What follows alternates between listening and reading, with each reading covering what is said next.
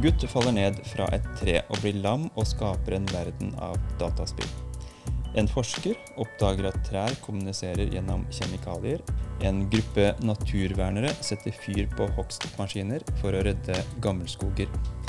I dag skal vi snakke om en mangfoldig og kraftfull bok, som det er vanskelig ikke å bli merket av. Den vil definitivt endre måten du ser på trær, og kanskje vil den forandre hvordan du oppfatter naturen og din egen plass i den. Dette er Drammen lydbokklubb. Vi er en gruppe menn som elsker å lese bøker. Hver måned leser vi en ny bok, og så lager vi podkast. I dag skal det handle om trær, og om hvordan trær kan forandre liv. Vi har lest The Overstory av den amerikanske forfatteren Richard Powers. Det er en stor fortelling om naturen og menneskene, og ikke minst menneskenes ødeleggelse av natur, og spesielt skoger. På mange måter er det en brannfakkel av en bok. Den tar opp hvordan vår levemåte raserer naturens økosystemer. Og den viser hvordan naturen og dens komplekse økosystemer er så mye større enn det vi forstår. Det er også en kontroversiell bok som går rett inn i konflikten mellom bruk og vern av natur. Den utfordrer det gjengse natursynet, kan man kanskje si, og vil ganske sikkert også provosere mange. Men før vi kommer i gang. Mitt navn er Tor Bjarne Christensen. Torbjørn Faber Geirbo.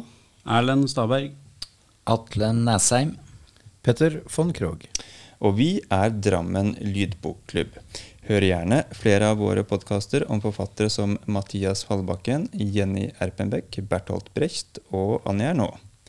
Du finner dem på Spotify. Månedens bok er The Overstory av den amerikanske forfatteren Richard Powers. Den kom ut i 2018. Han er en etablert forfatter og har skrevet elleve romaner.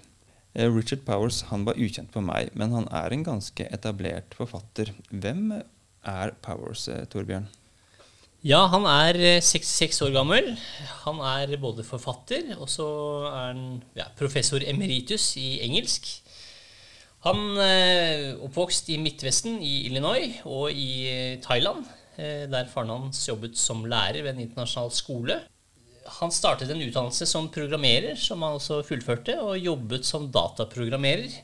Og så leste jeg på Wikipedia at en lørdag i 1980 så så han et fotografi fra 1914 på et museum. Og så brukte han to dager på seg, og så bestemte han seg for å si opp jobben sin og bruke de to neste årene på å skrive sin første roman om de tre personene på det bildet. Og så har det gått slag i slag. Altså har, det var i 1985 han skrev sin første roman.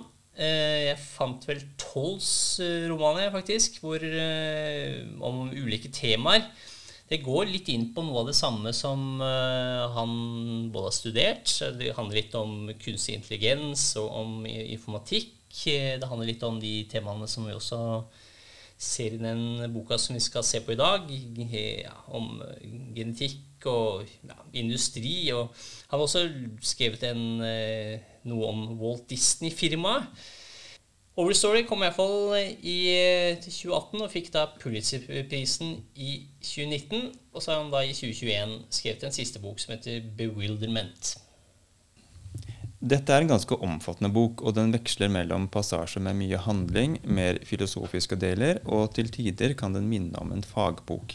Hvilken type litteratur vil du si at dette er, Erlend? Ja, vi må vel kunne kalle det en ganske sånn klassisk roman. Selv om den har mange for forskjellige fortellinger underveis, så er det jo fortsatt realistiske fortellinger som er ganske lett å holde tråden i. I starten litt forvirrende med mange korte, litt sånn novelleaktige historier men som etter hvert nøstes sammen, sånn at det blir et helt plott ut av det, og en, en hel story. Hvis jeg kaller det en realistisk roman, det er jo innenfor en økologisk roman, kanskje en form for miljøroman. En kanskje kan nevne nesten en sånn politisk aktivistroman. At det har sett hele. Ja, litt eksperimenterende også i formen. Men selve historia liksom, og narratologien er ganske ganske enkel og rett fram, på en måte.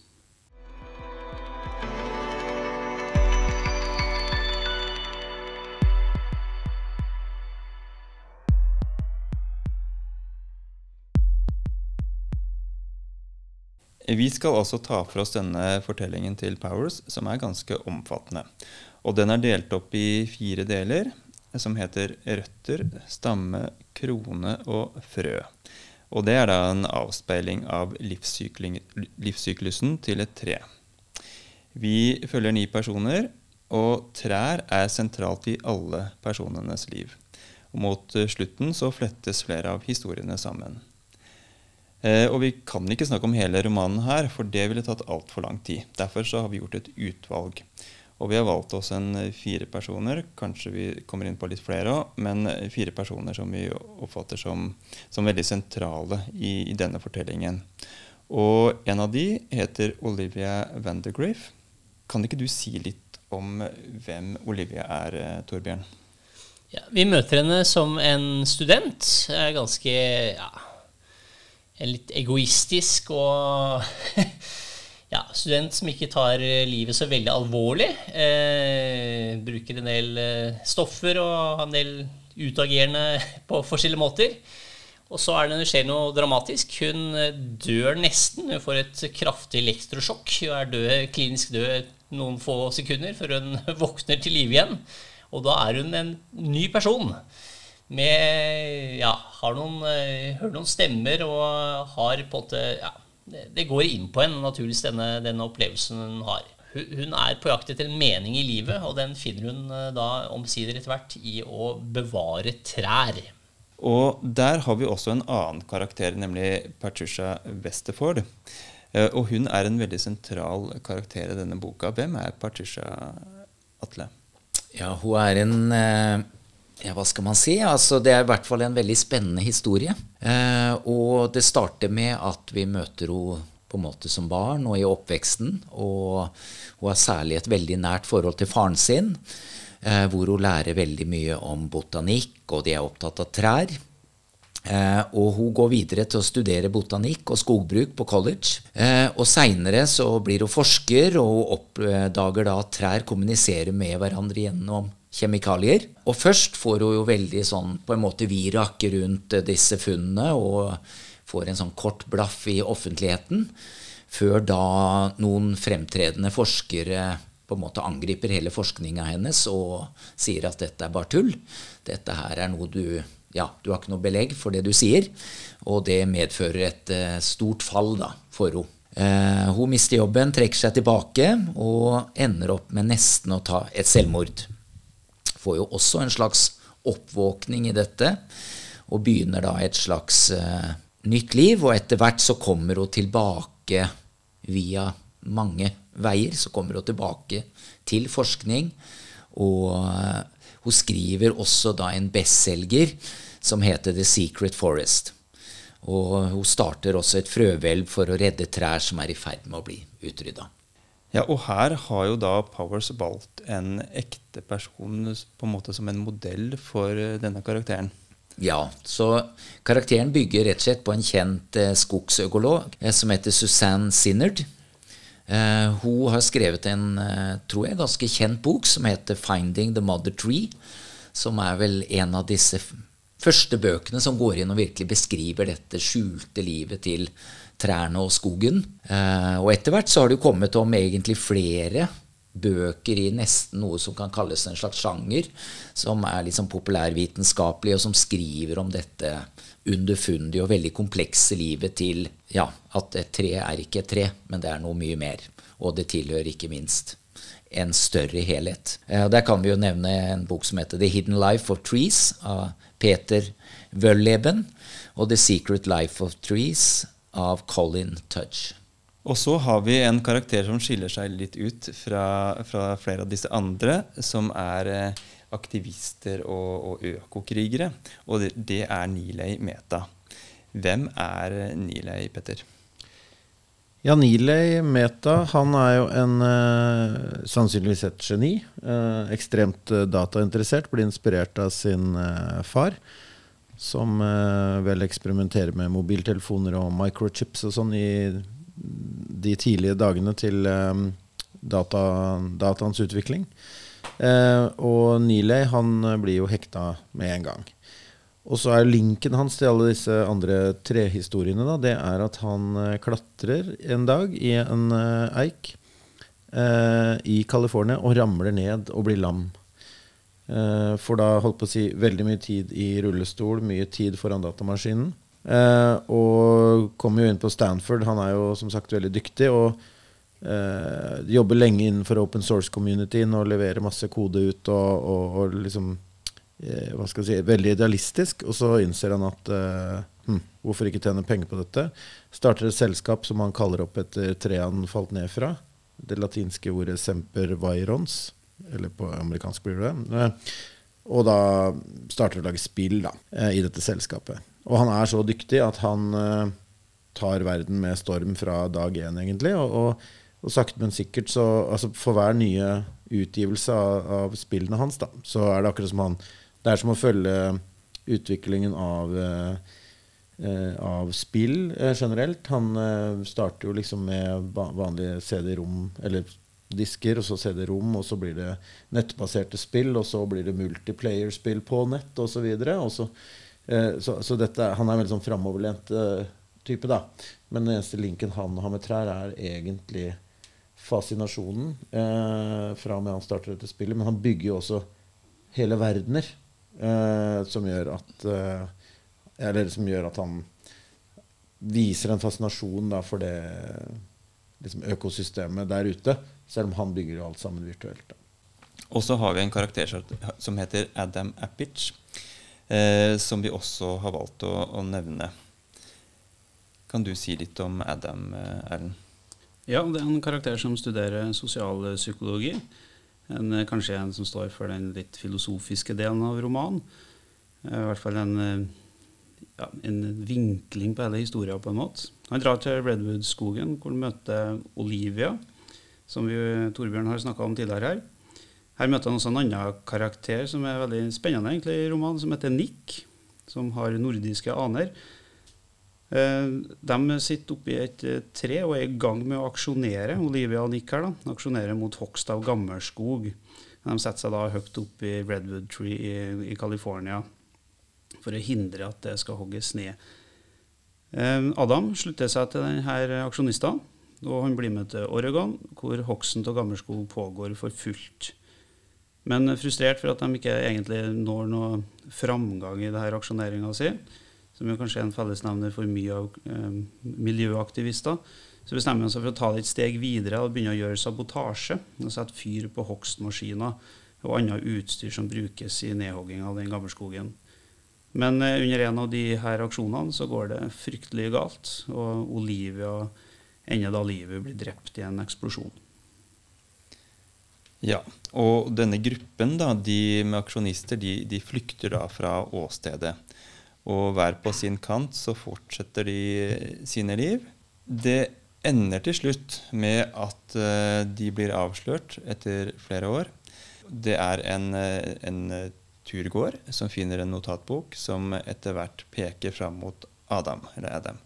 Og han blir arrestert og fengslet og får en dom på 140 års fengsel for drap. Nile, han eh, blir etter hvert lei og forlater selskapet sitt og, og går inn i kunstig intelligens. Det, han skaper kunstig intelligens, og han gjør det for å lære mer om jordas økosystemer. Og Nick han lever et mer tilbaketrukket liv. Han lager en slags type aktivistkunst. Og romanen avsluttes med at han gjør ferdig et ganske gigantisk eh, verk. En, en, en, enorm naturlig skulptur hvor det står et ord, og det er ordet 'still'. Eh, og den er så stor at den kan ses fra verdensrommet.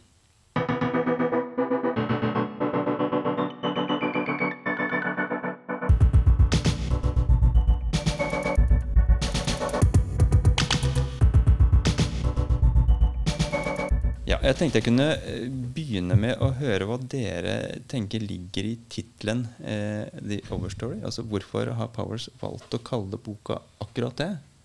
Petter? Jeg mener å, å huske at uh, ordet 'understory' dukker opp i, i, boka. Og det er jo da noe så konkret som den historien om alt det som uh, arter seg under bakken. Altså i forbindelse med alle disse trærne. Så hvis jeg tar den med meg over i å tolke overstory, så føler jeg jo litt at det er det som skjer opp over bakken. Både med trær og med alle oss andre og alt, ja, alt det Richard Powers er inne på. da.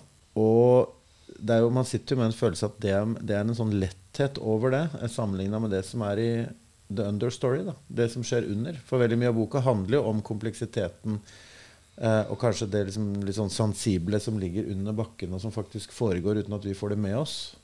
Ja, og, og, jeg tenkte på overbygning. Jeg vet at ikke det er noen sånn direkte oversettelse av overstory, men det tenkte jeg på som en slags overbygning da, over, over våre liv. Men, men, også kanskje over alt liv. Som en slags sånn grunnleggende livsprinsipp.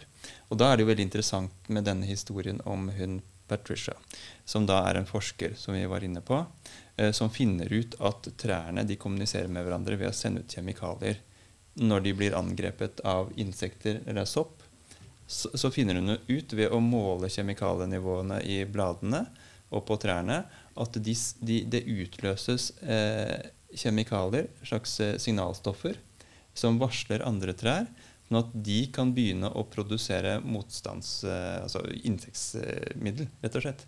Stoffer som, som gjør, det, gjør dem motstandsdyktige. Eh, og, og, derfra så, så, greier Powers å, å, tegne et bilde av skogen da, som, er, som et stort system, hvor alt, absolutt alt henger sammen, og som er veldig mye større enn det vi mennesker pleier å tenke på. Og i hvert fall når vi går inn med hogstmaskiner og bare hogger det ned, kutter det opp, lager eh, mahognimøbler og, og, og sofaer. Altså, det, det er en, en gammel og, og stor, eh, stort system av liv som, som, på en måte er en slags overbygning. Da. Ja, nei, tenk på at eh, altså, Han er jo litt sånn populærvitenskapelig forfatter som blander inn litt eh, fakta, litt eh, historie. Og så er han jo forskere også. Patricia er forsker. Men samtidig er det et eller annet sånn religiøst perspektiv i det også. Med Overstory, tenker jeg. Et eller annet sånn, eh, Kanskje det, det sva, egentlig svaret. da, En sånn type økolitteratur hvordan ting henger sammen. Vi må bare oppdage de sammenhengene. Og ikke sånn som religion kanskje ofte har gjort, at setter mennesket øverst som en ekstra eksistens. Men her er jo alt avhengig av hverandre. og det er jo litt sånn, Skogen snakker jo til de her personene. Det er jo sånn, eh, På en måte er de litt vanvittige, hovedkarakterene etter hvert. De får en sånn form for fysisk oppvåkning, også om det er elektrosjokk eller hva det er som gjør det, eller et nesten selvmord eller en, eh, ja, en eh, dramatisk opplevelse i livet, liksom, og så er det plutselig en oppvåkning, på en måte. Mm. Ja, man venter jo bare på det når man leser om de forskjellige karakterene. Du skjønner veldig fort Ok, hvordan blir denne personen connecta, da? Enten så blir det at det, får, at det går et lys opp for dem, og de liksom tar skogens parti, eller så er det at de indirekte blir kobla til storyen. da. Så det, det skjuler han jo ikke. Det gjør han jo sikkert med vilje. At du skjønner jo hvor det bærer. liksom. Mm. Ja, og så blir det jo litt som nesten i Platons hulelignelse. Jeg skal ikke trekke den for langt, men, men, det er jo da noen som kommer ut av hulen, hvor alle menneskene sitter fastlenket og bare ser skyggebilder av virkeligheten.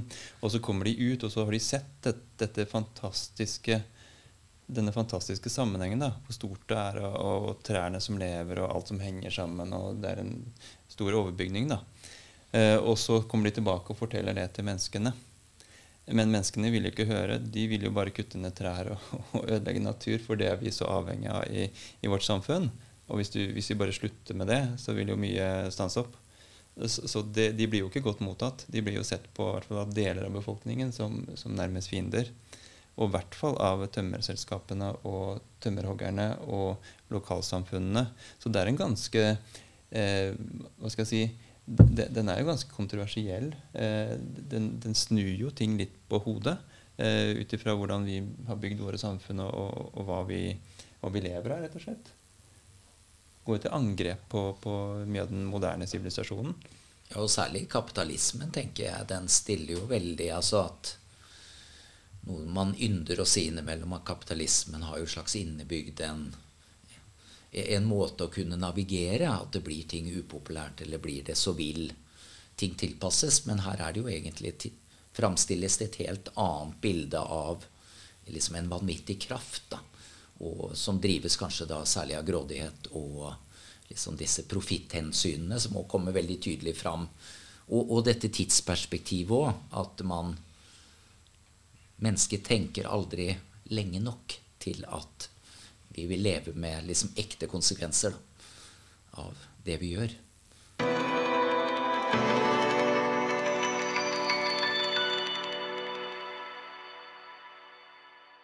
Men eh, syns dere at eh, menneskene kommer jo ikke veldig godt ut av denne boka her? Er det litt sånn eh, menneskefiendtlig eh, innstilling fra Powers? Nei, jeg syns faktisk det er veldig sympatisk beskrevet. Ja. De fleste hovedpersonene her. Kanskje litt for litt, rett og slett litt kjedelig, syns jeg. Jeg syns eh, ofte at de, de, de fremstilles som ja, i, i, starten her, på disse røttene, så beskrives de relativt uh, sympatisk. Og jeg syns egentlig de fort får en sånn slags sånn helterolle uh, på et vis. Og kanskje ikke blir så veldig sånn dype personligheter. De har på en måte De har valgt en, en retning, og de, de, man, han får ikke frem så mye sånn, si, sånne tvil rundt disse personene, eller de viser ikke så mye dybder i seg selv. Da. Jeg syns, eh, nei, jeg syns egentlig den er litt sånn eh, ja, eh, sympatisk, og kanskje litt for mye. Ja, og så er det jo det at det er Så man jo får fram ganske mye kunnskap da, om, om tilstanden eh, til skogene i USA spesielt. Og da er det jo beskrevet at det er tre Det var tre store, gamle skoger i USA. Og de er borte. Og at av dem så er det 1-2% igjen, nærmere 1 enn 2. Så det er jo de, virkelig de siste trærne da, som, som aksjonistene slåss for, uh, og som de klatrer opp i, og som de, de setter seg foran og prøver med sivil ulydighet å, stanse. Uh, så, så, det er jo allikevel et bilde av en menneskehet som er i ferd med å sage av den greina de sitter på. At selv om de klatrer opp i trærne, selv om de setter seg foran altså, De kommer jo ingen vei. Og så gir de jo litt opp også i denne gruppa. Og det går jo gærent. De begynner med sabotasje, og så sprenger, eh, sprenger den ene anleggsmaskinen, og så dør eh, Olivia. Men Jeg er enig med Torbjørn. Jeg syns han fremstiller personene sympatiske. Og, og, men det er jo litt sånn Det er litt forbaska òg at, um, at det er sånn. Fordi jeg kjenner at jeg har egentlig gitt litt opp. Altså, meg selv definitivt inkludert, men menneskeheten når det gjelder å liksom ta til vettet, gjøre det riktige, få rydda opp i eget reir og liksom eh, ta ansvar da, for det som faktisk vi vet skjer rundt oss. Eh, så jeg syns ikke han altså, ikke sant, Om det er liksom rettighetsadvokaten eller patentadvokaten, eller om det er liksom eh, egentlig tømmerselskapene, eller om det er aksjonistene eller Jeg syns det er mennesker alle sammen. Ok, de politimennene som driver og putter pepperspray inn i øya på folk med q-tips, liksom, de er kanskje litt sånn, de kunne skjerpa seg litt. Det er vi alle enige om. Men sånn overall da, så er det liksom ikke, han er ikke ute etter noen, og du sitter ikke igjen med at han liksom peker på noen. Det er litt sånn derre Det er bare en sånn litt tyngre resignasjon synes jeg, rundt det hele. Og så er det to bøker jeg har lest utenom, som jeg kom på når jeg leste den. Den ene var Annie Pro, som har skrevet en bok som heter Barkskins. Som er en litt mer sånn industriell skjønnlitterær roman Eller industriell tilnærming til det med å hugge ned all skogen. For det er egentlig historien om at all skogen har blitt hugget ned fra Canada og ned til USA. Uh, der følger du hver prosent, eller hver promille omtrent, i løpet av en veldig tykk roman om hvordan det starter på med liksom nybyggerne, og så begynner de å hugge ned skogen. Og de tror at det er endeløst. Og de bare, Det er jo fantastisk. Det er så mye skog, vi tjener så mye penger, og det er bare å kjøre på. Det er jo helt, det er så langt du kan se. Og så er det selvfølgelig den sjette utryddelsen. da ikke sant? Som, uh, jo, som er denne fagboka som handler om det som vi står overfor, og som skjer hver dag. At det utryddes både arter og planter og alt. Og det, liksom, det, det ligger jo sausa inn her veldig sånn tydelig, det. ja, det er vel noe med Jeg tenker jo at på en måte The Overstory er noe med at vi, vi er natur. Altså at vi er en del av naturen. At det ligger veldig tydelig. Og så tenker jeg jo men den har noe, liksom, noe åndelig i seg. Men at det er jo en slags sånn oppvåkningsbok. Altså det er det den At den beskriver en del folk som på ulike vis våkner opp, som du var inne på, Tor, til en slags en realitetslesning. At hjelp! Plutselig så ser de sant, det som skjer. Og da klarer de ikke å snu seg bort. De klarer ikke å overse at nå ryker den siste prosenten eller to prosenten, og de må handle. Eh, og da blir det jo plutselig jo interessant med denne forskeren som driver med bystander-effekten. Altså han, han, han, lager jo veldig mye disse linkene til For vi står jo alle bare og ser på. Og vi aner ikke åssen vi skal handle. Ja, Hva er bystander-effekten? Det er jo en eh, effekt som er beskrevet i psykologien, og som handler rett og slett om at hvis det skjer en ulykke, så ønsker du egentlig at den skjer med veldig få folk rundt deg at jo flere folk som står og ser på, jo mindre sjanse er det for at en av de handler. Så at man blir passivisert av at man tenker at ja, men noen andre må jo ta ansvar. Jeg har faktisk vært med på en aksjon i Norske Skoger. Ikke som deltaker, men som, eh, som tilskuer, på en måte. Jeg var, jeg eh, var der som journalist. Eh, og det var i Nordmarka i Sørkedalen hvor de skulle bygge en skogsbilvei inn i et av de mest uberørte områdene, og da for å hogge mer. Og da var jeg med en gruppe fra Naturvernforbundet og frivillige aksjonister. Og vi sneik oss eh, fram gjennom skogen. Det var veldig spennende da vi nærma oss og hørte gravemaskinen som, som, holdt på å jobbe. Og vi skyndte oss ut. Som sagt, jeg, jeg var tilskuer. Eh, men det var spennende for meg også. Og, og, da vi kom fram, så holder en gravemaskin på å grave seg vei innover ei myr. Veldig flott sted. Og da går eh, lederen fram da og sier at denne veibyggingen stanser vi. Og han ble jo litt forundra, han maskinføreren som satt der og, og, gravde. Og så gikk han litt sånn stukøra bort da, og, og, kjørte av gårde. Og så satte aksjonistene seg ned eh, og, og stansa arbeidet i flere dager. Men så kommer politiet, og politiet de skriver ut bøter. Iallfall så sier de at de kommer til å gjøre det. Så aksjonistene trekker seg etter hvert tilbake. Og veien blir bygget til slutt. Så, så det nytter jo på en måte ikke, da. Nei. Det er det du vil oppsummere med.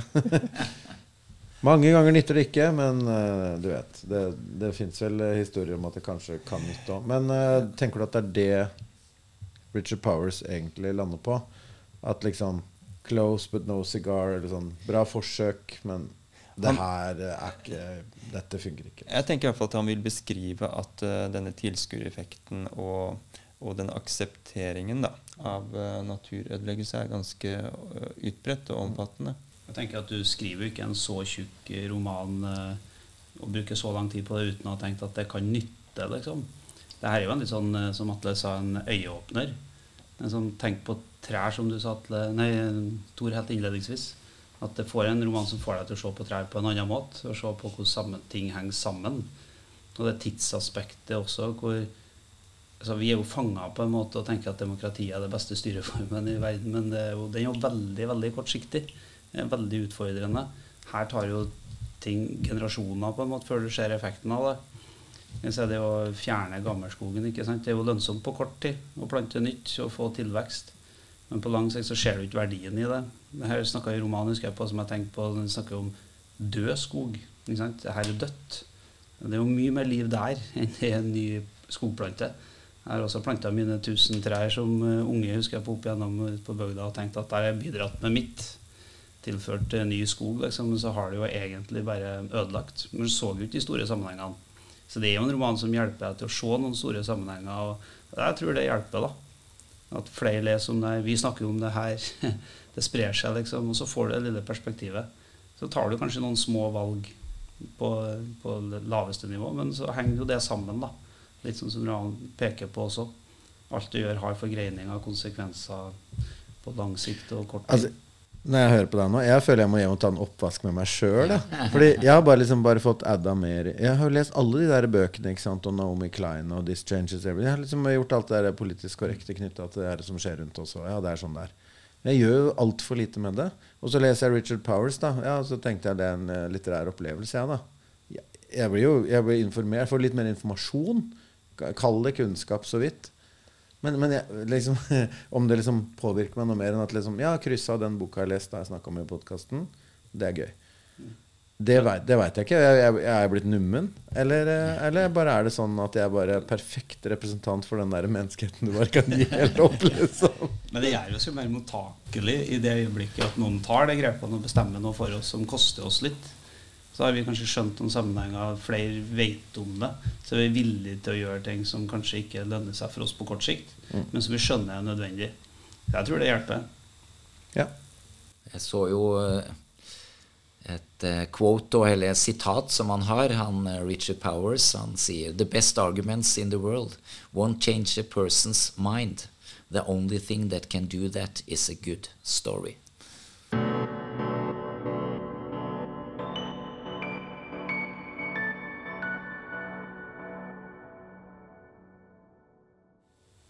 Hvordan syns dere boka fungerer som et litterært verk? da? Du var inne på det, Petter. Dette er jo en veldig stor fortelling. Og det, det er mange fortellinger i den store romanen. Og, og den har lange passasjer og, og veldig innholdsrik mm. og mangfoldig. Syns dere det fungerer? Altså, hva tenker dere? Ja, jeg er litt, litt sånn um, enig med Torbjørn på en måte. At kanskje personene er litt kjedelige. Og det er litt lang avstand til dem, og du skjønner litt hvor han vil hen etter hvert. Og kanskje har han hatt ideen, og så fyller han inn personer og historier etter hvert. Likevel så lar jeg meg fascinere av noen som skriver så tjukke romaner med så komplisert struktur, og så mye som skal gripe inn i hverandre på riktig sted og riktig plass. og det skal altså på en måte bokstavelig talt forgreininger i den romanen her, da, som jeg syns er ganske imponerende. Så Jeg lar meg imponere av håndverket også til noen som klarer å skrive sånne historier. Det er ikke så mange som gjør det. Så Sjøl om jeg ikke kanskje hele tida ble revet med sånn rent litterært, så er han jo Jeg kan skjønne at han har en bakgrunn som programmerer. skal jeg si. Han er i stand til å se noen sammenhenger og systemer og ja, et mønster. da. Og det henger jo veldig godt sammen her med telematikken òg. Så jeg er fascinert. Uh, og jeg syns jo, akkurat som Erlend er inne på den, at han speiler jo noe av kompleksiteten i å lage en veldig kompleks historie med veldig mange tråder. Uh, og jeg kjenner jo sjøl i hvert fall at jeg har utrolig sympati for og syns at det er spennende at det kommer historier som prøver å skrive seg inn i den utfordringen vi står i. Ja, han skal virkelig ha for å, for å være ambisiøs og, og, bygge et stort prosjekt. Uh, og, og du, du, ser konturene av den veldig, ja, veldig dyp eh, tematikk. Og han, han starter jo ganske tidlig også. eh, hvor du får denne forhistorien til familien til Nick, som eh, tilfeldigvis var uh, norske innvandrere til USA, som planter et tre. Og så er det masse om kastanjer i Idaho. Og, og, og, historien handler om det ganske lenge.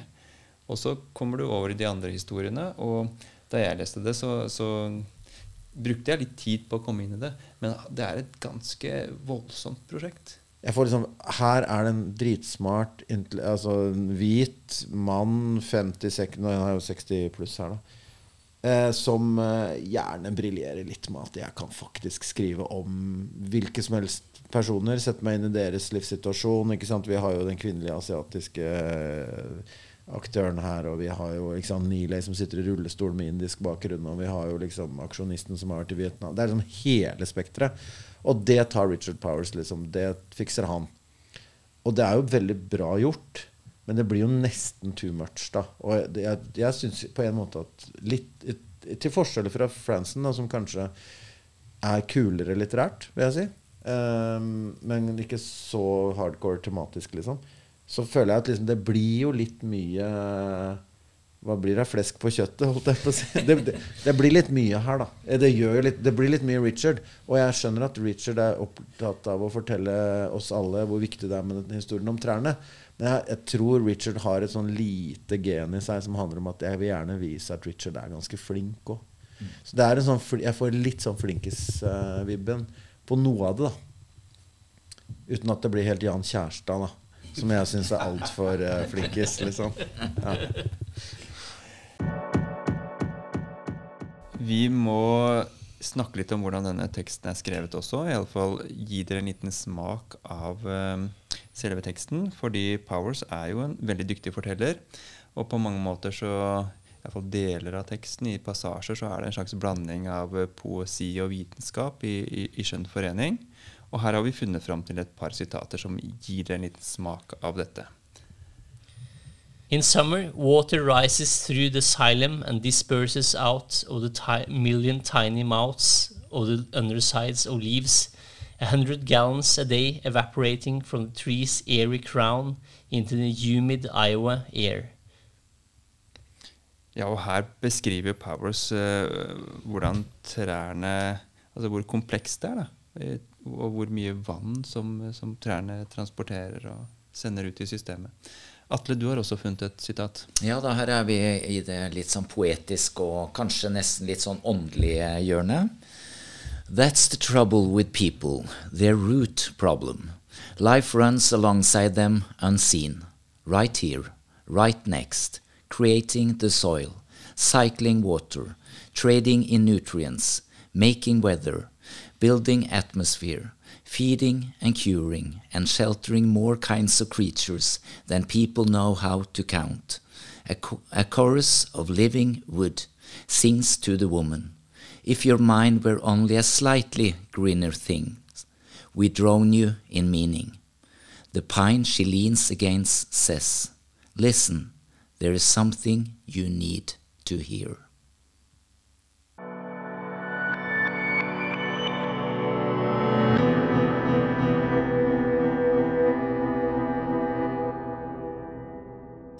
Ja, og da må vi snakke litt om leseopplevelsen. Og vi heter jo Drammen lydbokklubb. Det betyr at vi hører jo mye lydbok. Og denne gangen så har vel de fleste hørt boka på lydbok. Hvordan var denne leseopplevelsen? Jeg syns det var eh, bra lest inn. Jeg hørte den på Audible. Eh, så godt lest inn, men jeg syns den rett og slett var for lang. Og som vi har vært inne på, så ja, jeg kunne nok tenkt meg at, eh, at historien hadde blitt litt ja, strammet opp. Så skal jeg gi terningkast nå, så tenker jeg jeg gir en treer. En treer fra deg, Torbjørn. Har dere andre noen, uh, gjort dere noen tanker? Ja, nei, jeg, jeg, liker jo å rusle rundt og gå meg vill i skogen. Så jeg likte prosjektet. Var forvirra til tider. Eh, Mista litt fokus til andre tider. Men syns nok at helheten for meg lander nok på en femmer. Ja, jeg har hørt eh, boka på Storytel. Eh, så kjøpte jeg den også i papir etter hvert, fordi jeg tenkte at noen passasjer hadde jeg lyst til å lese i fred og ro. Det er en bok som tar tid på mange måter. Jeg kan jo si at den er litt for voluminøs, men likevel så er den jo noen passasjer som er veldig fine å lese også. For språket Så har vi et eh, morelltre i hagen som er tre generasjoner gammelt av den eieren som vi kjøpte huset av. Det var et tre som har veldig sånn stor respekt for. Som står hvert år, og gammelt har nesten ikke bark igjen, men det gir og gir moreller til hele nabolaget og til gamle eieren og til slekta i Trøndelag når vi reiser oppover og sånn. Så jeg tenkte på det mens jeg leste her, så tenkte jeg jeg skulle gjerne ha tatt en prat med det treet og hørt hvordan vil du egentlig beskjære snus om du er så gammel. I den romanen her så er jo karakterene i stand til det. Så jeg syns at jeg, jeg, jeg likte historien så langt. Likte å høre den. Jeg mangler fortsatt litt på slutten for å høre den helt ferdig og nøste alt sammen. Eh, vanskelig derfor å gi et uh, helt rettferdig terningskast, men kanskje lande på en ja, fire så langt.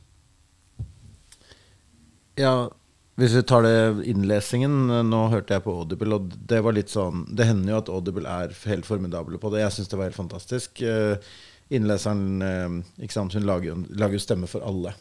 Med forskjellige etniske bakgrunner, med, med Patricia som har et høreproblem, ikke sant, og hennes uttale. Jeg syns det var superbra lest inn. Det er det tekniske knytta til det. Og så blir det jo en, en lang bok og, og, og, litt sånn. Så uh, det, er, det, smerter litt, da, for jeg, jeg, som sagt, jeg, er jo veldig opptatt av tematikken, men jeg gjør jo ingenting med det. Uh, men, men iallfall så uh, terningkastmessig, da. Så jeg føler at det, er en firer, da. Ja, jeg hadde en, en, sånn slags reise som jeg ofte kan ha da, når jeg leser bøker. Jeg går i forskjellige stadier. Jeg er, jeg er veldig interessert i begynnelsen. Og, og, sånn, og så blir jeg litt irritert og litt frustrert fordi jeg forstår ikke helt prosjektet.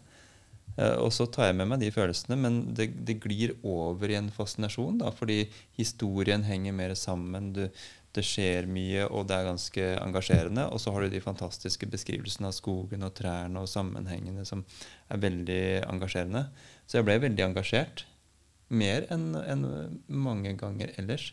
Men så var det litt kjedelig innimellom òg. Så det er en veldig sammensatt uh, opplevelse, vil jeg si.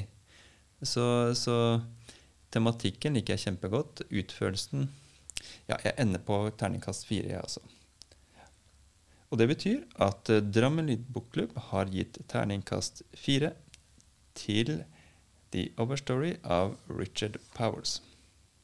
Vi er en bokklubb, og da må vi jo velge en ny bok. Og nå skal vi lese en tysk forfatter som heter Judith Herman, 'Sommerhus senere'. Det var hennes debutroman som kom i år 2000. Du kan også lese denne boka og være med i bokklubben vår, og så kan du glede deg til spennende leseopplevelser hver måned. Vi skal runde av, og da har jeg funnet fram til et sitat av den tysk-sveitsiske forfatteren Herman Hesse. Han hadde et sterkt og nært forhold til naturen, og han har skrevet noe klokt om trær. Og det syns jeg passer godt i dag, hvor det har handlet mye om trær. Og Hesse skriver Trær er hellige, den som vet hvordan man skal snakke med dem, og hvordan man skal lytte til dem, vil oppdage sannheten. Takk for oss.